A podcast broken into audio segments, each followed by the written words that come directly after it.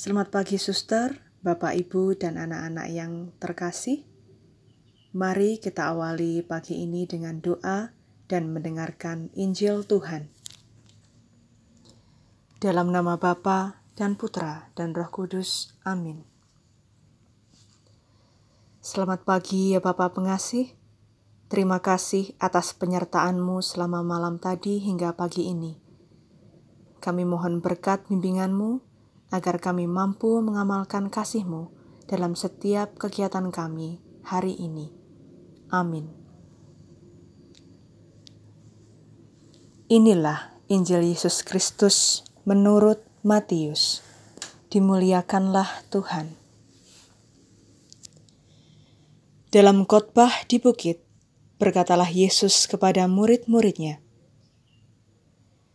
jika hidup keagamaanmu tidak lebih benar daripada hidup keagamaan ahli-ahli Taurat dan orang-orang Farisi, kalian tidak akan masuk ke dalam kerajaan surga. Kalian telah mendengar apa yang difirmankan kepada nenek moyang kita. Jangan membunuh. Siapa yang membunuh harus dihukum. Tetapi aku berkata kepadamu, setiap orang yang marah terhadap saudaranya harus dihukum. Barang siapa berkata kepada saudaranya kafir, harus dihadapkan ke mahkamah agama. Dan siapa yang berkata jahil, harus diserahkan ke dalam neraka yang menyala-nyala. Sebab itu, jika engkau mempersembahkan persembahan di atas mesbah dan engkau teringat akan sesuatu yang ada dalam hati saudaramu terhadap engkau, tinggalkanlah persembahan di depan mesbah itu, dan pergilah berdamai dahulu dengan saudaramu, lalu kembali untuk mempersembahkan persembahan itu.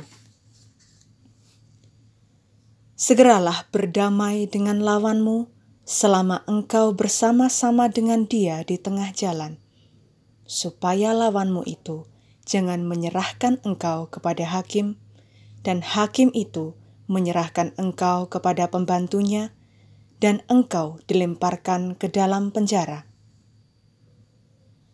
Aku berkata kepadamu, sesungguhnya engkau tidak akan keluar dari sana sebelum engkau membayar hutangmu sampai lunas. Demikianlah Injil Tuhan. Terpujilah Kristus. Suster, Bapak, Ibu, dan anak-anak yang terkasih, kita bersama memasuki masa prapaskah, masa pertobatan, masa perdamaian, persatuan, dan rekonsiliasi bersama sesama kita sebagai wujud nyata berdamai dengan Tuhan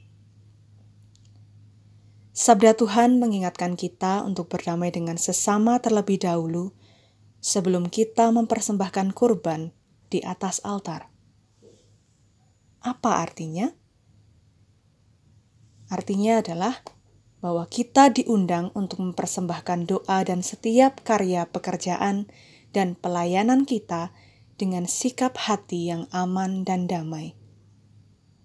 Kita bersama diajak untuk belajar memaafkan, memaafkan diri dan sesama yang mungkin selama ini menyakiti dan menjadi beban di hati kita sendiri.